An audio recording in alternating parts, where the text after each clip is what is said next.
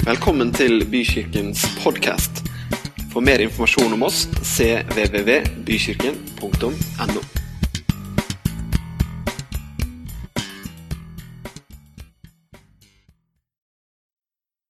For noen dager siden så satt vi hjemme og så på TV. Og så var vi, ja, vi var egentlig sånn klar for å, for, for å gå og legge oss. Og så sitter Julia med fjernkontrollen, og så kommer vi over et eller annet program om den beste treningsmetoden. Hvorfor ler dere? Noen ler litt sånn godt òg, liksom.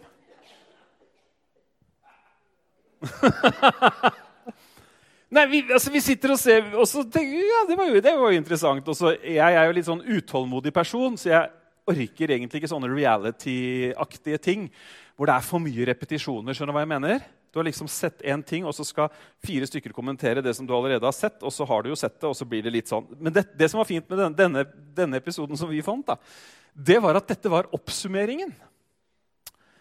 Det var da fire, fire par som hadde sagt ja til å bli med på et sånt åtteukers opplegg. Eh, og så skulle man da ut fra deres resultater kåre den beste treningsmetoden. da. Og eh,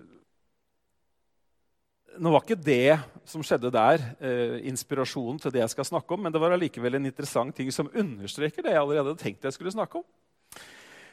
Fordi at noen av de, de kom rett fra sofaen. Altså, de, de, hadde, de hadde liksom Altså, Jeg vet ikke om du kan få sånn minus på skrittelleren, men hun ene hun tror jeg hadde minus på skrittelleren. Hva var det hun sa? Hun hadde aldri hun hadde aldri i sitt liv gått mer enn fem kilometer. Og vi nordmenn vi går jo mange, mye mer. ikke sant? Men i alle fall, altså Ja, hun var svensk. Det var, ja, det hører med. Det, det var bra du sa. Det var jo, det var jo var svensk. Eh, jeg liker egentlig svensker, så jeg skjønner ikke hvorfor du sier sånn. Veldig, jeg, Svenskene er egentlig favorittene mine, faktisk, utenom, uh, utenom nordmenn.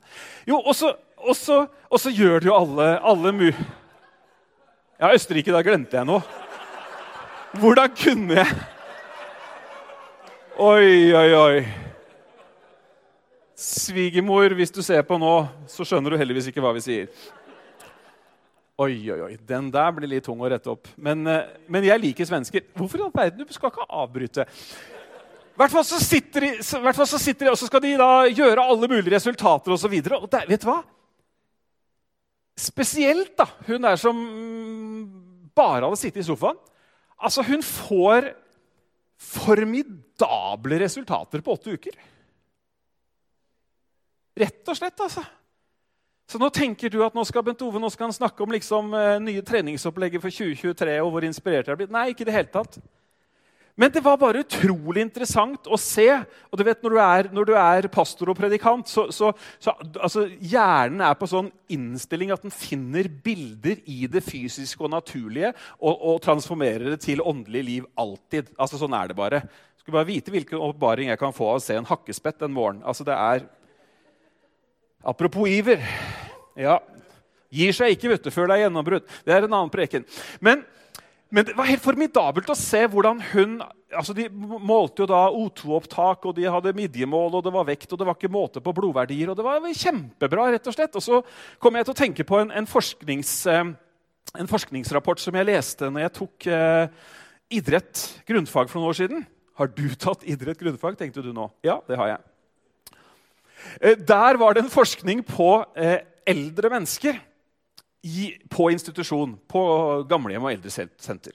Og Der fant de ut at hvis de bare innførte litt grann fysisk aktivitet og Det var ikke mye, altså det var ikke snakk om at de skulle ut og løpe tre kilometer, men det var snakk om å møtes og gjøre noen bevegelser og liksom eh, kanskje for første gang på ti år prøve å stå på altså Helt enkelt.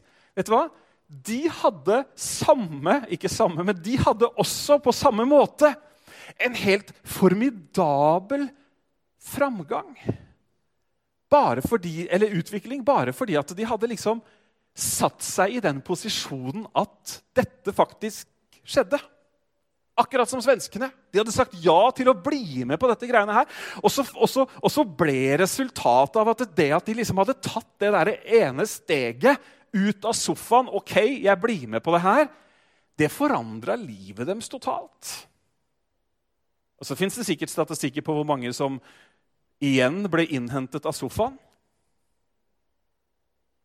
Men det er historien om deg og meg også. Hvor mange som blir innhenta av sofaen. For å, for å, bruke det i en overført betydning.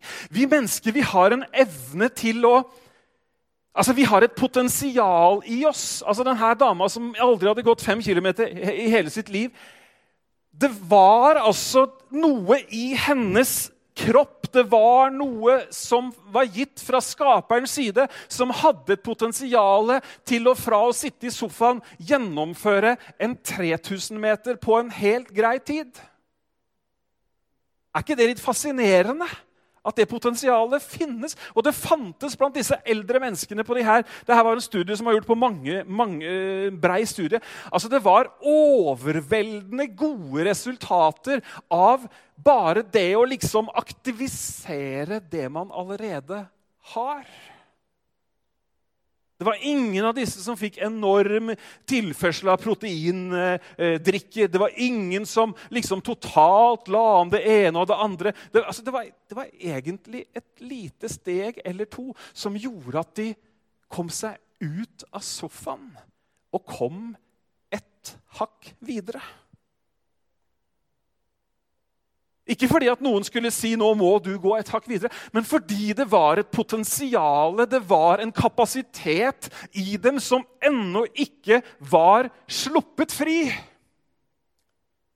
Og nå kan du tenke at Det du snakker om nå, det passer jo fint å snakke om den første søndagen. Men tro meg, det jeg skal snakke om i dag, det er tro, selvfølgelig, som Kristoffer har avslørt. Men det handler ikke om nyttårsforsetter i det hele tatt. Men det handler om at hver eneste en av oss som har tatt imot Jesus, vi har fått en del tro. Vi har fått altså noe fra Gud, og det er en gave. Slapp av, jeg snakker ikke om en gjerning, snakker ikke om en belønning. Troen er en gave, og hver eneste en av oss har fått den gaven, og den gaven har et enormt potensial. Den har kanskje et potensial til å flytte oss ut av sofaen kan du tolke det akkurat som du vil. Den har kanskje et potensial til å gjøre hverdagen vår annerledes. Til at og nå er vi jo kanskje litt sånn på 2023 da, til at kanskje når 2023 er over, så befinner du deg ikke der at du knapt orker å gå fram og tilbake til sofaen, men hvor du er faktisk i stand til å gjennomføre et løp. Så sier, så sier, Paulus i Bibelen, 'Vet dere ikke at dere alle deltar i et løp?' Løp da sånn at dere kan vinne seiersprisen.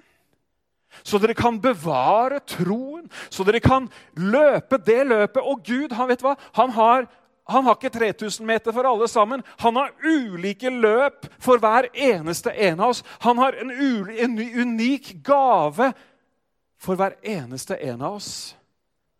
Og jeg skal lese fra det samme stedet som Kristoffer eh, var innom. Du kan slå opp i Hebreerne 11. Det som skjedde med den svenske dama og disse godt voksne på aldershjem, var at de aktiviserte noe de allerede hadde. De dro ikke på jakt for å finne ungdomskilden. De aktiviserte noe de allerede hadde. De skrudde på en bryter som hadde en tilkobling. I dag har jeg lyst til å stille dere noen spørsmål. Og jeg har lyst til å være så frimodig, enten du sitter her i salen eller du følger oss på Facebook, til å notere deg de spørsmålene jeg stiller. Ved å notere så tar man det forhåpentligvis med seg lenger enn ut den første døra. Eh, Bibelen sier et sted at ordet ble dem til ingen nytte fordi det ikke smeltet sammen med troen i hjertet. Jeg tror det er en utfordring for oss i 2023. Nå sa jeg riktig årstall. Det er jo første gangen jeg hadde en sånn setning. Og jeg sa riktig årstall. Og Denne uka så har jeg ikke skrevet 2022 en eneste gang når jeg har skrevet dato. Snakk om å være våken, du. Men dere, tilbake til 2023. Jeg tror det er en utfordring for oss alle. og Du trenger ikke å, trenger ikke å si det gjelder ikke meg engang, men jeg våger å påstå at det er en utfordring for oss alle å klare å holde en tanke og holde et fokus så lenge at det faktisk har evnen til å påvirke oss i riktig, i riktig retning. Vi har så mange ting som tar fokuset vårt. Så jeg har lyst til å utfordre deg til å skrive de spørsmålene jeg stiller. Og så er min bønn at det jeg skal snakke om i dag, er noe som ikke bare Ja, talen var grei, den. Men at det er noe som du faktisk tar fram, og som du og som, du, og som du, du, ser litt på, rett og slett. For i dag skal vi la oss inspirere av noen helt fantastiske mennesker. Dere som er bitte litt kjent i Bibelen, vet at Hebrebrevet 11 er liksom kronen på verket av en oppsummering av hva tro er, som Kristoffer var innom. Og ikke minst så får vi møte noen av forbildene, noen av heltene fra bibelhistorien, og hva de var i stand til å gjøre. Og det var alt ved tro. For det første så må vi ha en liten definisjon da, av hva tro er. Tro er full tillit til det en håper på. Overbevisning om det en ikke ser. Full tillit til det en håper på. Overbevisning om det en ikke ser. La oss gå til vers 4. Ved tro bar Abel fram for Gud et mye bedre offer enn Kain. Ved den troen altså fikk han det vitnesbyrd at han var rettferdig i det Gud selv vitnet om gavene hans. Ved den taler han ennå, selv om han er død. Vet at en måte å aktivisere, sette troen din i gang, er ved å gjøre som Abel. Nemlig gi det første og det beste til Gud. Her var det to brødre. Dere kan historien om Kain og Abel. skal ikke gå inn i tall, Men det var to brødre. Han ene drev jordbruk. Det var Kain. Han andre var sauegjeter. Det var Abel. Og så står det i første Mosebok 4 så står det at Kain han tok med seg litt fra åkeren og ofra til Gud. Det står ikke så veldig spesifikt mye mer om det. Men så står det om Abel at han tok et førstefødt lam. Det beste, det første. Og så ofra han det til Gud. Og så står det at Gud hadde behag i offeret. Abel hadde ikke bare en praksis hvor jo da, vi, vi, vi, vi ofrer litt, men nei, han trodde på Gud. Og han viste det ved å gi det første og det beste. Gud, jeg tror, sa han ved det han gjorde, på ditt løfte om at det er din velsignelse som gjør rik. Ved det han gjorde, så sa han, 'Vet du hva, Gud, du er først i mitt liv. Gud, jeg stoler på at du er Gud, og jeg vil at du skal være min Gud. Han tok ikke bare et eller annet, men han tok med det første og det beste. Og denne troen som vi snakka om, som er usynlig, viser han på en synlig måte at jeg tror at Gud faktisk mener det han har sagt, og jeg gir det til han. Er ikke Gud verdig, dere? Vet du hva jeg tror Abel og er, Hvis ikke så hadde det ikke stått det. så vet du hva jeg tror Abel han hadde gjort opp for seg selv at vet du hva? Herren Gud, han er stor, han er god, han er verdig. Det skulle bare mangle at ikke jeg gir mitt beste til han. Det var holdningen. Det var holdningen hans, og den var helt annerledes enn Kain, som bare tok noe greier, og som Gud ikke hadde behag i. Men hvorfor hadde Gud behag i det Abel, gjorde? Jo, fordi han gjorde det i tro. Han kobla til en hjertes holdning om at han tror 'Jeg tror på Gud'. Han ga det første, og han ga det beste. Og en måte for deg og meg å aktivisere vår tro på, er faktisk ved å møte Gud med den samme holdningen at 'Vet du hva, Gud, jeg gir deg mitt første og mitt beste'. Ja, men Det var jo et snodig påfunn. Vet du hva? Det er ganske mange snodige påfunn hvis du ser på prinsipper i Guds ord. Men det er likevel prinsipper i Guds ord. Det er merkelig, da. Kunne ikke Gud klare seg med liksom det som var på tredjeplass? da? Eller i hvert fall det som var annenrangs? Nei, det er ikke mulig for Gud å være annenrangs. Gud han troner i det høye, og det er ingen andre steder han troner. Og Det er et prinsipp gjennom hele Bibelen. Og nå lurer du på, ja, Skal du snakke om økonomi i dag? Ja, litt grann skal jeg snakke om økonomi i dag, og så skal jeg snakke mer om økonomi en annen gang. Fordi at det er et prinsipp i Guds ord at det første hører Herren til. Det står ikke engang at det er, at, at det er på en måte litt sånn der Ja, men du kan jo du kan jo, du kan jo liksom, det står, altså det står ikke engang at det er vårt, det står at det tilhører Herren. Så merkelig! Det står faktisk sånn. Hvorfor, nå vet, at, vet jeg at kalenderen har blitt litt rota til, men hvorfor har, hvorfor har de kristne opp gjennom tidene kommet sammen til søndag for å feire gudstjeneste? Jo, for det er den første dagen i uka, og vi gir den som en tilbedelse til Herren. Og så regner vi med og takker Han for at Han skal velsigne resten av uka. Vil du ikke ha en bra uke, da? Ja, Da er den beste måten du kan starte uka på, det er ved å komme til gudstjeneste og tilbe Han i hellig skrud sammen med alle de andre. Vil vi ikke ha en god velsigna dag? Ja, hva, hvorfor, hva sier salmisten? Han sier at han står opp tidlig om morgenen. Ja, Det er det ikke alle som klarer. Men det er allikevel et prinsipp om at før jeg lar hodet mitt fylles av absolutt alt det fylles kan med, så lar jeg det fylles med noen sannheter fra Gud, og så preger det resten av dagen.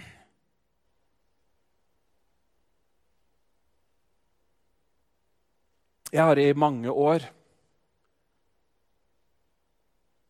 praktisert å gi 10% av alt jeg tjener til Gud. Lærte da jeg var liten at det var, det var liksom litt sånn det var. Og så har det kommet kanskje litt mer åpenbaring etter hvert. Kanskje, kanskje, det begynte som en god vane, men så har det kommet mer åpenbaring. Jeg har sett mer av det. Jeg ser et prinsipp gjennom hele Bibelen. Og jeg vet at noen kan argumentere og si at ja, men eh, det er under loven. Da må du studere litt mer. Tienden ble innført veldig lenge før loven. Ja, men Jesus sa ikke noe direkte om tienden. Nei, men i de tilfellene hvor det var snakk om tienden, så bruker han heller ikke anledningen til å oppheve tienden i det hele tatt. Og jeg har fått oppleve så mange ganger i livet, livet mitt og i livet vårt at Gud har velsignet oss tilbake. Jeg husker en tid hvor jeg eh, som dere vet, så jobba jeg i misjon i mange år og levde fra hånd til munn. Og, og, det var akkurat som Gud tok meg en liten skole i det å være med å gi og, og velsigne. Og jeg husker noen ganger altså, Du fikk en tanke om at vet du, nå skal du velsigne det mennesket der med 1000 kroner eller 2000 kroner. eller et eller annet. Og jeg tenkte ja, men kjære mitt Gud, det er da det er da virkelig ikke sånn at den måneden her går, går i hop i det hele tatt. Men vet du hva som skjedde hver gang jeg var lydig på de tingene der?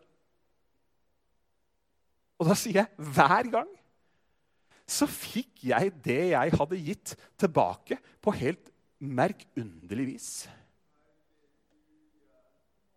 Helt merkelig.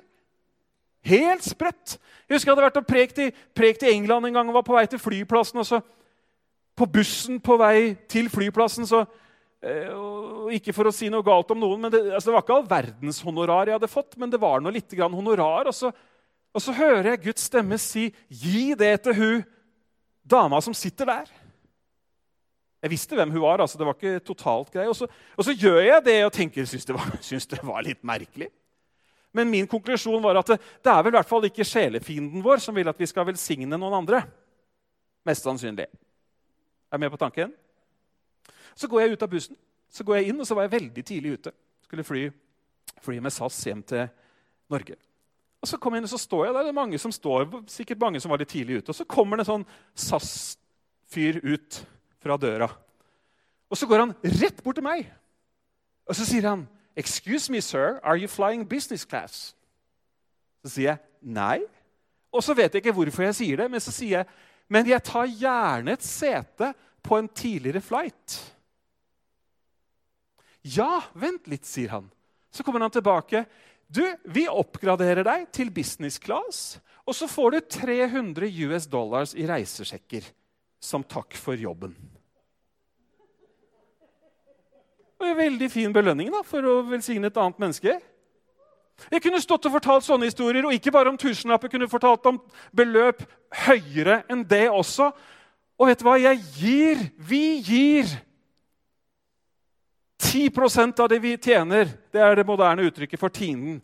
Det gir vi hver eneste måned, og vi gjør det med glede. Og vi gjør det med tro på at Han som sier at han vil velsigne oss, han vil velsigne oss. Hva har jeg som jeg ikke har fått? Hva har du som du ikke har fått? Ja, men du skulle bare visst hvor mye jeg jobba for de pengene. Jo da. Men hvem har gitt deg evnen til å jobbe? Hvem har gitt deg livet? Og Jeg tror det var den holdningen som prega Abel. Herre, du har jo gitt meg livet. Herre, du, du, du, du, er jo min gode far. Selvfølgelig vil jeg høre på det du sier, og gi deg tilbake det du skulle gjøre. Ikke halvhjerta. Ikke det som er til overs. Og for å være helt ærlig, nå er det jo en tid hvor, hvor vi alle har fått høyere kostnader. Trenger vi vel ikke noe håndsopprekning på det? Det er sånn der, det der Beløpet før strømstøtten slår inn, det kan jo ta nattesøvnen fra noen. Jeg hadde en liten runde her hvor jeg liksom ikke hadde skjønt hvor jeg skulle trykke. Så jeg tenkte bare gode Gud, hvordan skal denne måneden her gå? Men vet du hva? Jeg gir. Og dette sier jeg ikke for å skryte. Jeg gir Gud først. Jeg gir han det beste. Og så er det hans jobb å løse resten. Det gjør noe med troen min. Det gjør noe med tilliten min til han.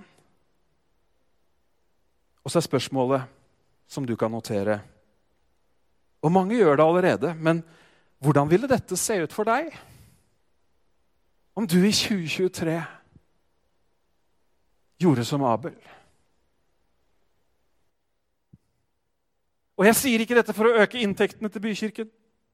Selvfølgelig. Det er en konsekvens.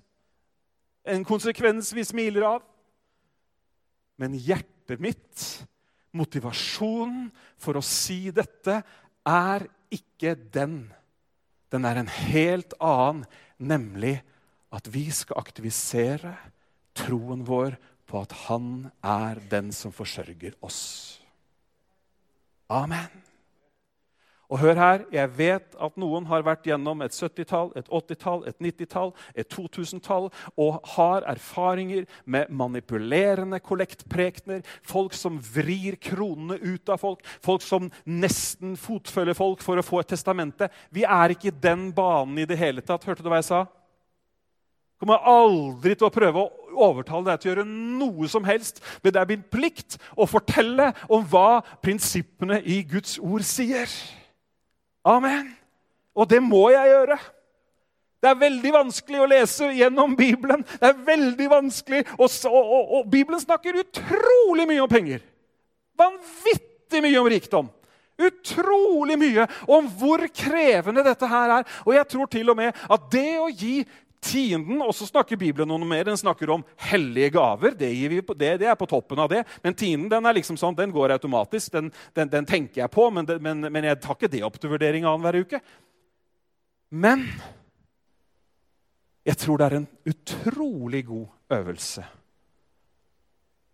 i kampen mot materialismen. Jeg tror det er en utrolig god øvelse for hjertet og gi det som tilhører han. Hvordan hadde det sett ut for deg å la troen din aktiviseres? Og du som gir, og mange gir, og gir fast, og mange gir mye. Jeg har lyst til å invitere deg til å koble troen din på det du gir. Vi kan lett havne i en sånn rutine, og det er bra.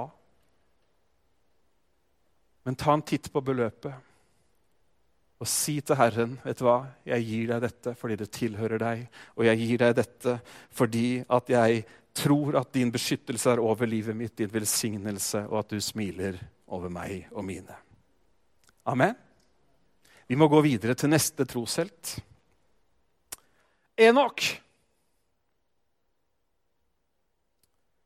Ved tro ble Henok tatt bort så han ikke skulle se døden.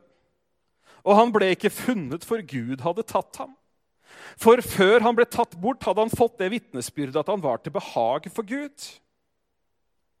Enok, som vi pleier å kjenne han som i de nye oversettelsene, så heter han Henok, men den H-en er kanskje stum. Navnet hans betyr rett og slett 'dedikert'. Og Det er jo rart egentlig at nesten Enok er med i denne lista. her, kan mange synes. Kanskje du til og med synes det var rart at når, når forfatteren av Hebrebrevet, som ikke vi er helt sikre på hvem er, kanskje noen synes til og med det var rart at han nevnte dette med å gi det første og det beste først? Eller kanskje det bare understreker det prinsippet som finnes i Bibelen. Men det står at han ble tatt bort. Dere, Enok, han utviklet en relasjon med Gud som var utrolig nær. Relasjoner er viktig, dere. Er ikke enig i det? Er du glad for at du har noen relasjoner i livet ditt? Noen syns de er for mange, noen skulle ønske at de hadde flere. Noen syns at relasjoner er slitsomt. Men summa summarum så er relasjoner en positiv ting. Og for at en relasjon skal fungere, så vet vi at den relasjonen den må dyrkes på en eller annen måte. Altså Den må få tilførsel av de tingene som gjør at den vokser. ikke sant? Vanskelig å vedlikeholde en, en, relasjon hvis man aldri prates, aldri møtes. Innlysende.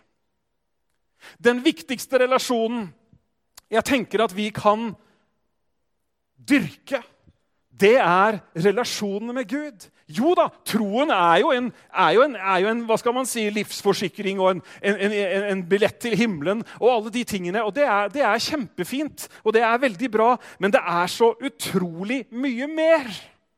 Bibelen sier at Jesus har åpnet en ny og levende vei for oss, helt inn til Faderen. Altså, Bibelen snakker eh, utelukkende i Det nye testamentet om forholdet mellom far og barn.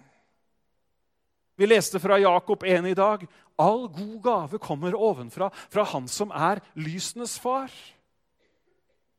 Kan din gudsrelasjon dyrkes? Kan den få fokus? Kan den få oppmerksomhet? Jeg tror at den viktigste relasjonen er med Gud.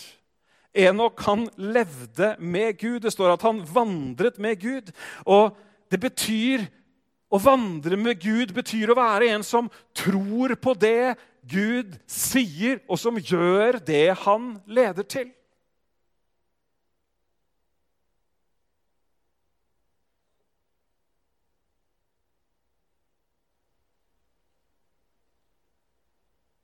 På en eller annen merkelig måte så har vi klart, eller noen har klart, å få to av de tingene som er med på å utvikle relasjonen, til å få et negativt fortegn. Det er helt utrolig, men jeg møter det fra tid til annen. Og jeg skjønner ikke helt hvor det kommer fra. Det kan sikkert en eller annen religionshistoriker fortelle meg. Men vi har klart å ta to av de viktigste tingene som handler om å dyrke relasjonen med Jesus, og så har vi klart å få det til å bli noe tvangsaktig, noe eh, pliktbasert. Og så møter dere en viss motstand i folk med en gang. Hva tror du jeg snakker om? Bønn og Bibel. Det er, jo, det er jo, helt utrolig at, at, man, at, at, man, klarer på en måte å, å, å, få det til å bli sånn. Men for noen så har det blitt sånn. Men det er gode nyheter! Si gode nyheter. Ja, Noen ble så veldig alvorlig. Var det fordi vi snakka om den derre Nei da, tulla. Denne uka her, dere, Vet dere hvilken podkast som topper listene? Det er ikke Hva heter det? Det er rett og slett Bibelen på ett år. En app Nei, ikke en app, en podkast fra Tro og Medier. Som hvis du, hvis du benytter av den 15 minutter hver dag, så vil du i løpet av 2023 være gjennom hele Bibelen. Den har ligget på topp flere dager nå, og det er helt uventa. Det har sittet en, har sittet en som meg, holdt jeg på å si, det har sittet en pastor borte på Vestlandet nede i, nede i kjellerstua si og lest gjennom hele Bibelen. Lest inn hele Bibelen. Så du, du, må, ikke, må, du må, ikke, dele den opp en gang sånn der i 15 minutter om dagen. Jeg har tatt noen store jafs. Ja. Sammen med han, hva heter han? Daniel Sebjørnsen eller et eller annet. Vet du hva, vet, vet hva, vet hva jeg, har, jeg har sagt det før, men jeg har fått ny åpenbaring. Vet du hva? Vet du hvor lang tid det tar å få første, andre og tredje Johannesbrev inn? 16 minutter. Der fikk du den, du som sier at ikke du har tid. Vet du hvor lang tid det tar å få hele hebreerbrevet inn? Og det er langt, altså.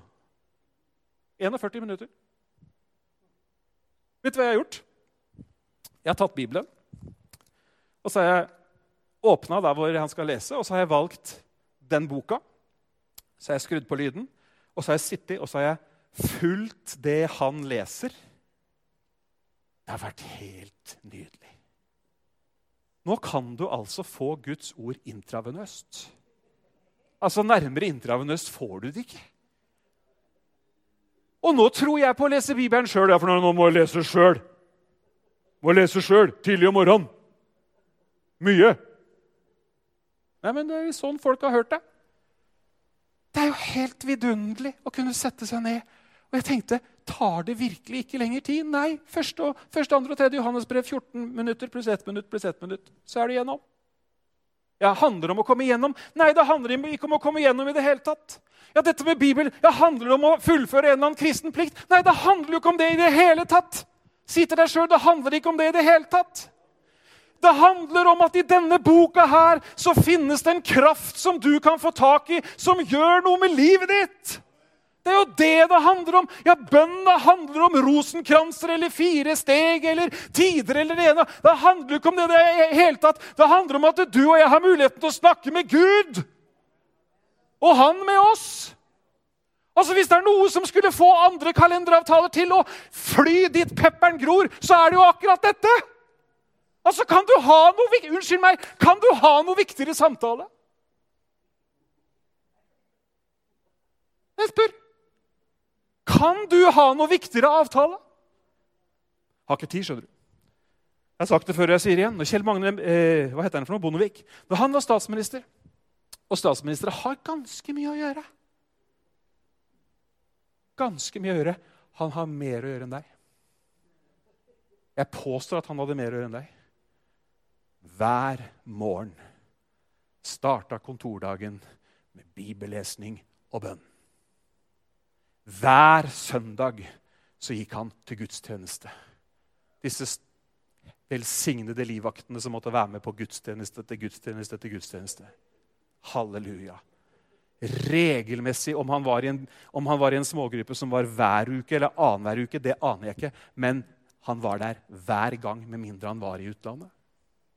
Tenk hvis det hadde vært oppmøte i smågruppene, dere! Vi er der så sant vi ikke er utenfor landets grenser!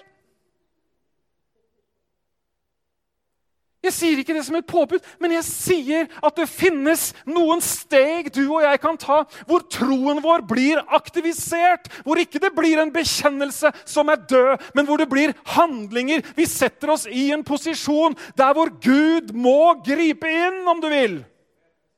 Så derfor så når, vi leser, når jeg leser Bibelen, så sier jeg til Gud Jeg sa det, jeg, sa det her, jeg, jeg syntes det var litt morsomt på de der minuttene, skjønner du, så jeg tok noen sånne tester. Så jeg sa til Gud to, tenkte Jeg nå, jeg elsker hebreerbrevet. Nå vil jeg ta hebreerbrevet. Så sier jeg til Gud Du, vis meg noe nå som jeg ikke har sett før. Og du vet, jeg måtte, vet du, Etter et par-tre minutter så måtte jeg hente blyanten. For da var det noen vers som jeg ikke hadde sett på den måten før. Hvorfor? Jo, fordi han vil jo si oss noe, da! Det er kult å ta sånn speedlesing og kjøre gjennom hele greiene. og alt mulig. Men det er jo noe med den derre Tro at han har noe han vil si til deg. Tro er en forventning. Uten tro er det umulig å være til behag for Gud. For den som søker Han, må tro at han er til. Og det er det, vi, det er det, jeg gjør når jeg sier 'Gud, hva vil du si meg nå?' Da sier jeg med andre ord 'Jeg tror at du er til. Jeg vet at du lever. Hva har du på hjertet?' Så sier ikke jeg at jeg får de store åpenbaringene hver eneste gang, men gang på gang. Ja, Kanskje ikke du syns de er så store, men det er i hvert fall store for meg. Det betyr noe for meg. Det samme når vi da ber, ikke sant? så kan man jo tenke at man må jo be litt liksom, og øser ut et eller annet. Nei, når vi ber, så gjør vi det med tro. Tro at han Og det er så herlig, han har fått sånn tittel i Hebreerne 11,6. Vi har det kanskje på veggen her også. Tro at han er den som belønner. Hvem er det du ber til? Jeg ber til den som belønner. Du må gjerne be til alt mulig annet, du må gjerne tilbe, du må gjerne holde på med mange ting. Men jeg ber til den som belønner, den som søker Han med iver. Dere, Er det ikke fantastisk at vi kan stille oss i en posisjon hvor troen vår aktiveres. La oss dyrke relasjonen med Gud. Jeremia sier om Bibelen, om Guds ord, 'Jeg fant dine ord og åt dem.' Dine ord ble til fryd og glede for mitt hjerte. Jesus sa, 'Mennesket lever ikke av brød alene, men av hvert ord som går ut av Guds munn'. Når du ber, så handler det like mye om at han sier noe til deg, som at du sier noe til han. Troen får påfyll. Troen aktiviseres, aktiveres.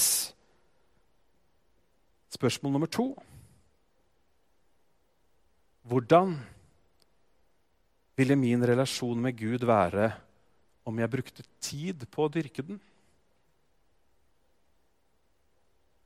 Hvordan ville min relasjon med Gud være om jeg brukte tid på å dyrke den? Neste troshelt heter Noah. Og jeg ser at vi må sette opp tempo.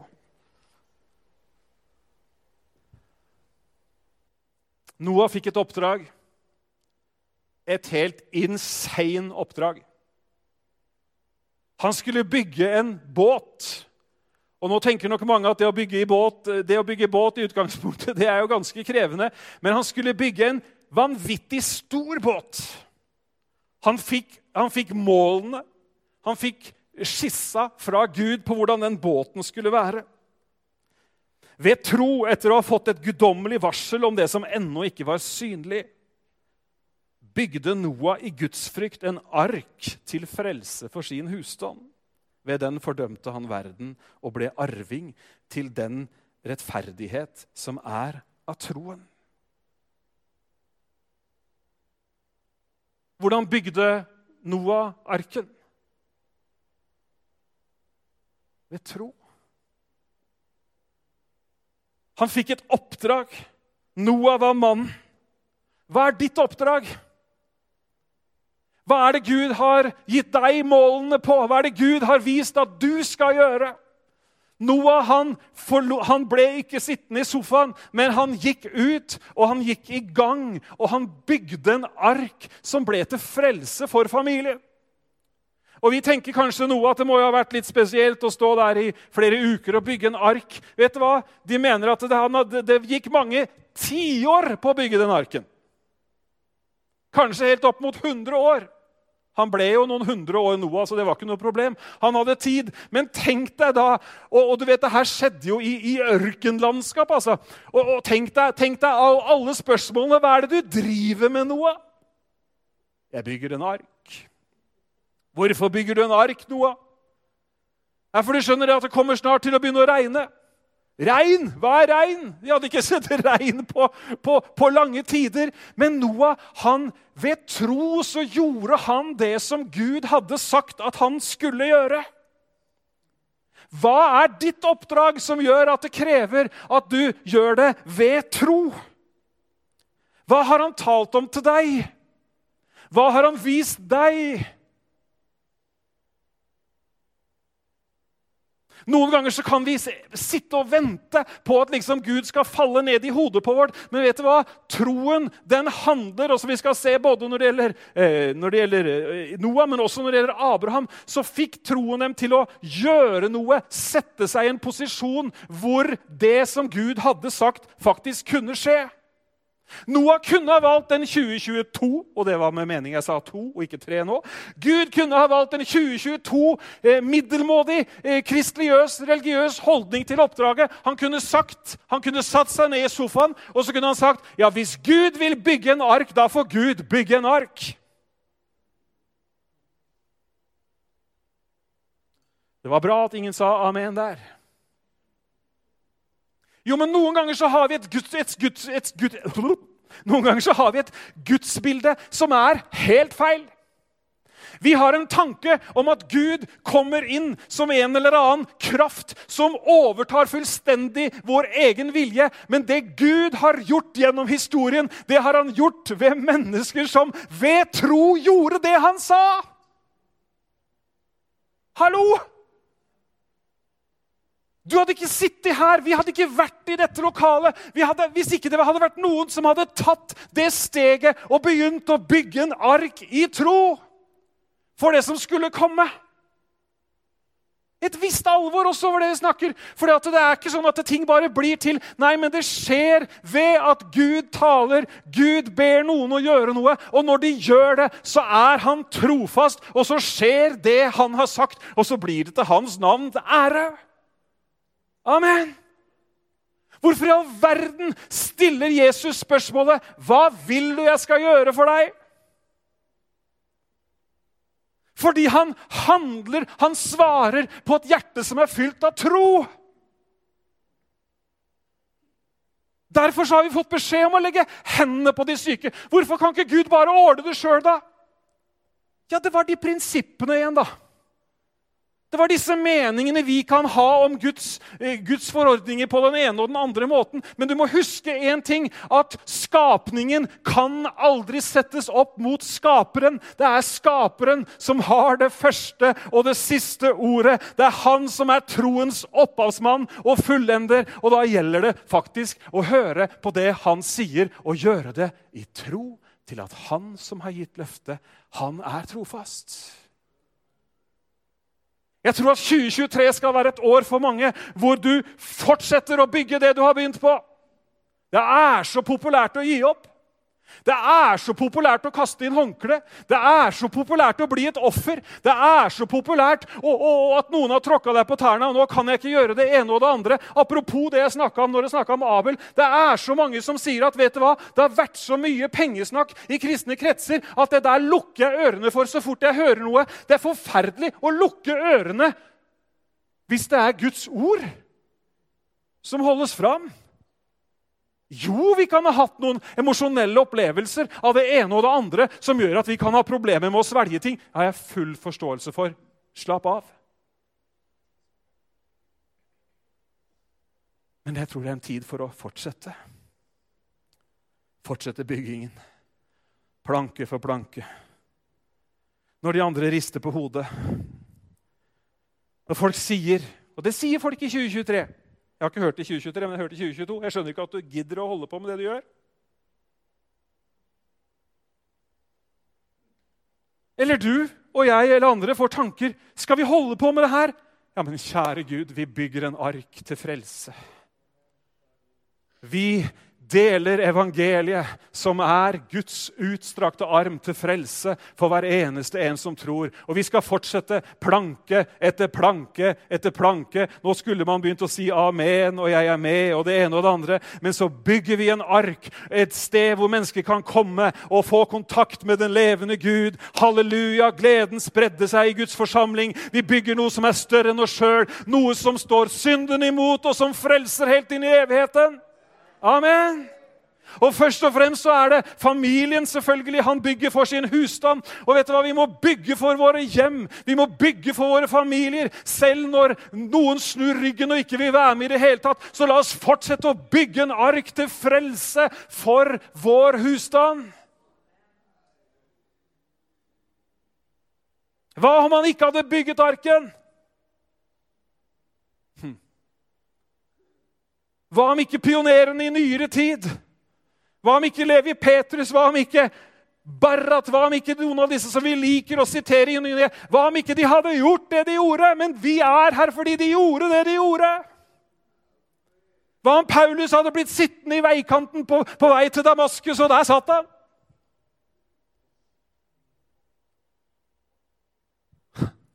Så finnes det en velsignelse på den andre enden. Kjære Gud, ble jo bitte litt inspirert. Spørsmålet du tar med deg, er Eller du kan ta med deg, er Hva er det jeg skal bygge? Morsomt. Bibelen er full av historier. og Bibelen er som bygningsmenn og arbeidere og medarbeidere og tjenere. Det er så tydelig at det er, liksom, det er snakk om å løfte noen planker. for å si det sånn. Vi må gå videre. Det neste Nå har vi snakka om det første og det beste, hva det gjør når vi stiller oss i den posisjonen. Vi har snakka om å dyrke relasjonen, vi har snakka om å fortsette byggingen. Og nå kommer vi til han som kalles for troens far. Og det er jo nesten rart sånn rent eh, eh fra, eh, fra redaktørsynspunkt at ikke, at, ikke, at ikke forfatteren starter med Abraham, men han tok alle disse andre tingene, og så kommer han til Abraham, og så sier han Ved tro var Abraham lydig da han ble kalt til å dra ut til det stedet han skulle få som arv. Han dro ut uten å vite hvor han kom. Ved tro bodde han i løfteslandet som, i land, som i et fremmed land. Han bodde sammen med Isak og Jakob, som var medarvinger med han til det samme løftet. For han ventet på staden, den som har grunnvollene, den stad som har Gud til bygningsmann og skaper. Hva er det som skjer med Abraham? Jo, han får et kall fra Gud. Kallet er at han skal dra ut fra det stedet han er. Han skal forlate det kjente og kjære, og så skal han gå ut. Og så får han et løfte om at han skal bli far til et stort folk. Da bytter han, da bytter han navn. Han het Abraham. Abraham het han, som betyr en opphøyd far. Og så fikk han navnet Abraham, som betyr far til mange nasjoner. Så du vet, Hver gang Sara hun ble eldre og eldre, unger kom det ikke. Hver gang hun sa navnet, så sa hun 'far til mange nasjoner'. Kan hende hun blir sliten av å si det. Men hva skjer når Gud kaller? Jo, han var lydig, og han begynte å bevege seg i den retning. Men han visste jo ikke hvor han skulle. Vi vil jo ha planen klar, vi vil jo vite at det er dit vi skal. Det er det vi skal gjøre. Men han visste ikke hvor han skulle. Og vet du hva? Hør, sånn er det veldig ofte når Gud kaller. For Gud viser ikke alltid hele bildet, men han sier 'gå', og så begynner man å gå, og så ser man ting oppfylles etter hvert. Kaller Gud i 2023? Han kaller akkurat like mye i 2023 som han gjorde i 1979 og 1951. Det er bare at det har nesten forsvunnet fra språket vårt. Sikkert fordi det kanskje også har forsvunnet fra bevisstheten vår.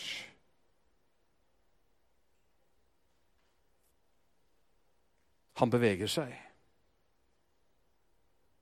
Men til og med dere, når han kommer til løfteslandet så står det at han bor der som i et fremmed land.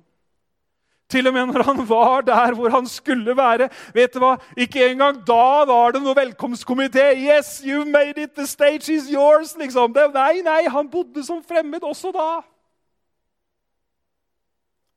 Men så hadde han skjønt at det stedet jeg virkelig hører til, der hvor jeg er helt hjemme, dit har jeg ikke kommet. Den stad, den by, hvor det er faste grunnvoller hvor det er Gud som er bygningsmann. Jeg har ikke kommet dit ennå, men nå er jeg hvor jeg skal være. Men så skjer det noe. På vei til løfteslandet så stopper Abraham opp. Han havner i en by, som, et område som heter Haran. Og Jeg vet ikke hvorfor han stanser der, men kanskje det er bare for å lære oss noe. For det stanser veldig også, ofte opp i livene våre. Noe, kan du kjenne deg igjen i det? Du var på vei liksom mot noe, og så er det omstendigheter, og så er det det ene og det andre, og så føler du at du står helt fast. Det er helt låst. Noen som kan kjenne seg igjen? Men så står det at etter han hadde vært i Haran en stund, så fortsatte han mot løfteslandet. Dere, vi er mennesker. Ting skjer, sesonger i livet og det ene og det andre som vi er kjempeflinke til å snakke masse om. Ting skjer, og vi kan ha en forklaring på hvorfor det har stoppa i Haran. Men spørsmålet er om vi vil stille oss i den situasjonen hvor vi igjen hører kallet, og igjen er lydige og går. Hva har Gud kalt deg til? Hvilke ord har han talt over ditt liv? Hvilke løfter har han gitt?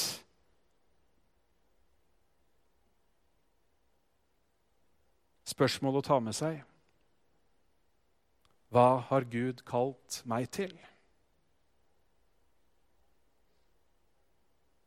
Gud angrer ikke kallet sitt.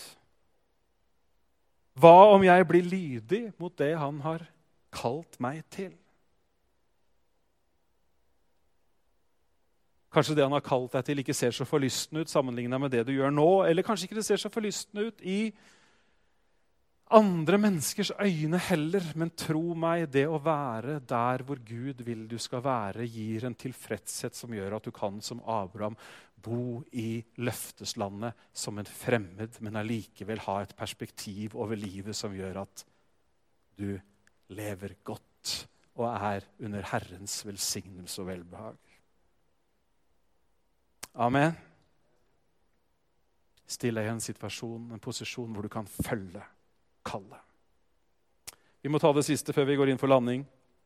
Vi kan jo ikke unngå å snakke om Sara. Jeg syns Sara er helt fantastisk. Denne gamle dama, som jo unektelig skal være en stor del av denne, dette løftet som Gud har gitt til mannen hennes, ved tro ved tro. Ved tro fikk også Sara kraft til å unnfange en slekt, og hun fødte, selv om hun var kommet over den alderen da hun føder, for hun regnet ham som trofast, som hadde lovt at dette skulle skje. Derfor ble det også født fra en, og det fra en som var så godt som død. Det er jo litt av en beskrivelse Abraham får her. Og det fra en som var så godt som død, så mange som stjernene på himmelen, ja, utallige som sanden på, på havets strand. Hvordan kunne dette skje? Hun regnet ham som trofast. Hun står overfor en umulig situasjon. Det er fysisk umulig. Til og med Bibelen innrømmer at det er fysisk umulig. Hallo? Det sier det jo. Hun var, egen, hun var altså, hun var for gammel. Enkelt og greit. Og han var enda eldre, så det var egentlig ikke det hele tatt. Hun står overfor det umulige. Men hva er det som gir kraft i møte med det umulige? Jo, det er troen. Ved tro fikk Sara kraft. Og så skjedde det fordi at hun trodde at hvis Gud har sagt det, da er det det som gjelder. Og vet du hva? Dette var så fjernt for Sara jeg må bare, skal slippe å få det på veggen, men jeg må bare lese, må bare lese litt, for det er, det, er, så herlig. For det, Nå leser vi oppsummeringen ikke sant, i Hebrebrevet 11. Men historien midt inni den har, noen, den har noen dumpler i veien. For å si det sånn. For her er det da Herren. Herren sa til Abraham Det er fra 1. Mosebok 18. hvis du vil notere. Hvorfor lo Sara? For han hadde jo gått og sagt dette her til Sara. Nå skal du høre her, Sara, at jeg har, jeg har lest litt i Bibelen og bedt litt til Gud. og han hadde en utrolig artig beskjed. Hvorfor lo Sara og sa, 'Skal jeg virkelig føde barn nå når jeg er gammel?' Er noe for vanskelig for Herren? sier Herren. Etter den fastsatte tiden skal jeg komme tilbake til dere, etter så lang tid det tar for at et nytt menneskeliv skal bli til, og Sara skal da ha en sønn. Men da, men Sara nektet og sa, 'Jeg lo ikke'. Da er det ganske modig, da. Gud sier at du lo. Hvorfor lo du? Jeg lo ikke. Sara nektet og sa, 'Jeg lo ikke', for hun var redd, står det. Men han sa, han, Gud, 'Jo, du lo'. Er ikke herlig dialog? Jeg syns det er helt nydelig. Kommer ikke Herren bare med buldrende stemme? Nei, Noen ganger så sier han, 'Nå lo du'. Nei, jeg lo ikke, sier du da. For du skjønner at nå er det Gud som snakker til meg Jo, du lo, sier han. Og nå lo jo du. Men han sier jo noe her. Er noe for vanskelig for Herren? Ja, det går ikke. Det går ikke, sier vi. Ting du har bedt om, ting du ønsker, ting du håper at skal skje, har kanskje kommet til den konklusjonen at nei, det går ikke allikevel. Vi skal ikke ha noen håndsopprekning, men det er mange mennesker som har konkludert med at det går ikke. Men da har jeg bare lyst til å si hva Herren selv sier. Er noe for vanskelig for Herren? Du trenger ikke å svare engang. Jeg stiller spørsmålet en gang til. Er noe umulig for Gud? Er det umulig for Gud at du og dine skal bli frelst? Er det for vanskelig for Han? Er det for vanskelig for Gud å gjøre noe i denne byen som gjør at mange mennesker kommer til tro? Er det for vanskelig for han? Er det for vanskelig at du blir bevart i troen? Er det for vanskelig? Er noe for vanskelig for Herren? Det som er umulig for mennesker, det er mulig for Gud. Igjen så drar jeg fram forskjellen på skaperen og skapningen. Vi må ikke tro at fordi at det er umulig for oss som menneske, så er det derimot umulig for Gud. For Gud er Gud, og du er menneske. Og Det er jo helt rå, denne situasjonen her. Og jeg, jeg, tror vi, jeg, tror at jeg snakker til noen her. At vet du hva? Jeg vil stille meg i en situasjon hvor jeg tror det umulige fordi han har sagt det. Fordi hun trodde, så fikk hun kraft til å gjøre noe som var helt umulig.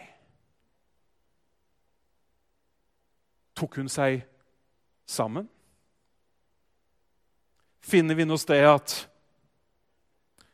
hun oppsøkte en fertilitetsklinikk og spiste de rette tablettene over en viss tid. Finner vi at hun fant ut at hun måtte gå mer på bønnemøte, eller at hun måtte det ene eller det andre? Nei. Hun fikk en gave. En troens gave som vi alle har fått. Og ved å aktivisere den Hun aktiviserte den når hun sa til seg selv hvis han har sagt det, så er han av den typen som holder det han lover. Der var troen aktivisert. Og da fikk hun kraft. Da fikk hun det overnaturlige som hun trenger. Siste spørsmål. Hva er det Gud har sagt som ser umulig ut i mine øyne?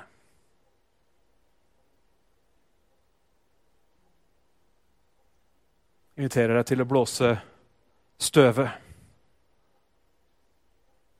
av løftene du har fått. Blåse støvet av sannheter som eh, du har rasjonalisert bort. Hva er det Gud har sagt som ser umulig ut i mine øyne? Skal vi reise oss opp?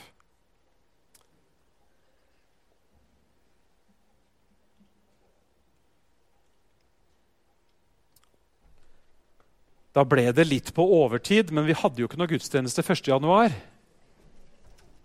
Er ikke det greit? Jeg tror det.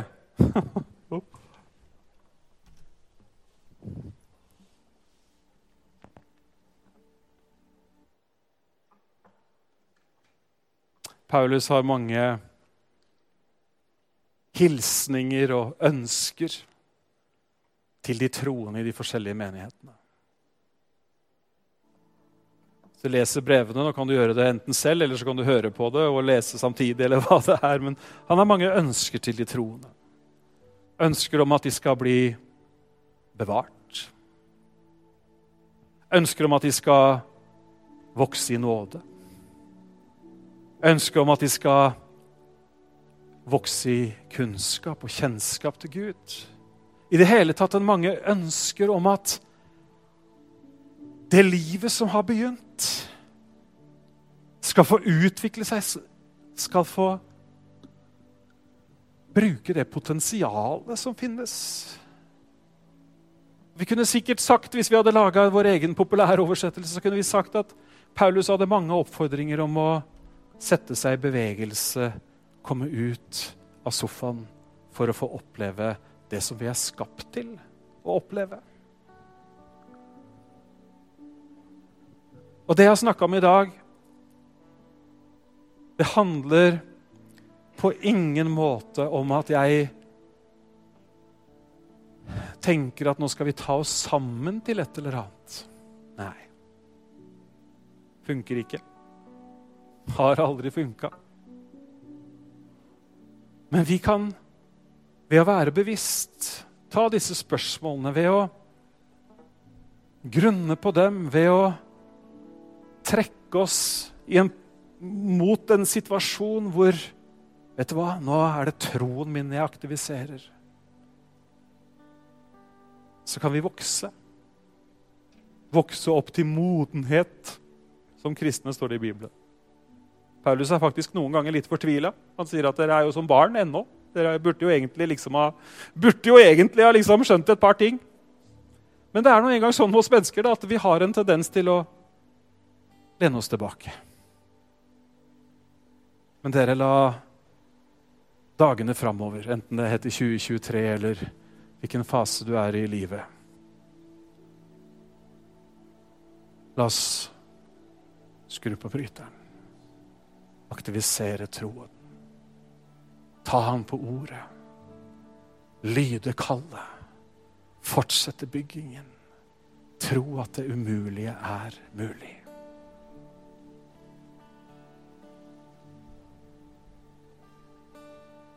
Vi har akkurat feira jul. Hvordan skal dette skje, sa Maria når engelen kom med bud. Hvordan skal dette skje? et menneskelig, helt forståelig, veldig naturlig spørsmål som du og jeg også kan stille. Men hvordan skal det skje? Den hellige ånd, den, den høyeste skygge, skal komme over deg. Hva er engelens beskjed da? Andre ganger så har beskjeden vært det skjer ikke ved hær, det skjer ikke ved makt. Det skjer ved min ånd. Gud svarer på de spørsmålene.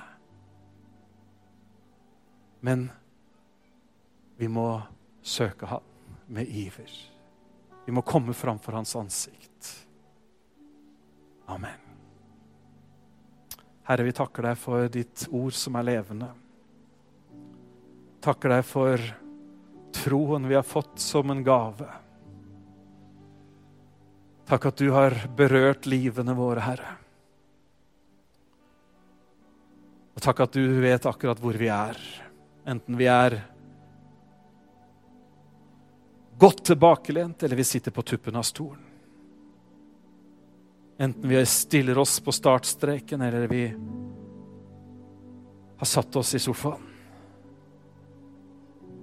Herre, jeg takker deg for at du snakker inn i livene våre nå.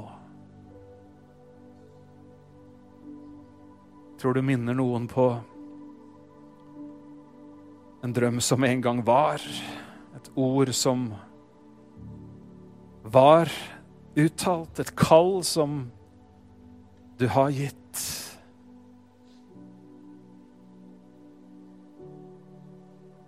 Ber deg, Herre, om at du ved din ånd styrker mange til å fortsette byggingen, Herre. Med nytt mot, med ny styrke. For du som ga løftet.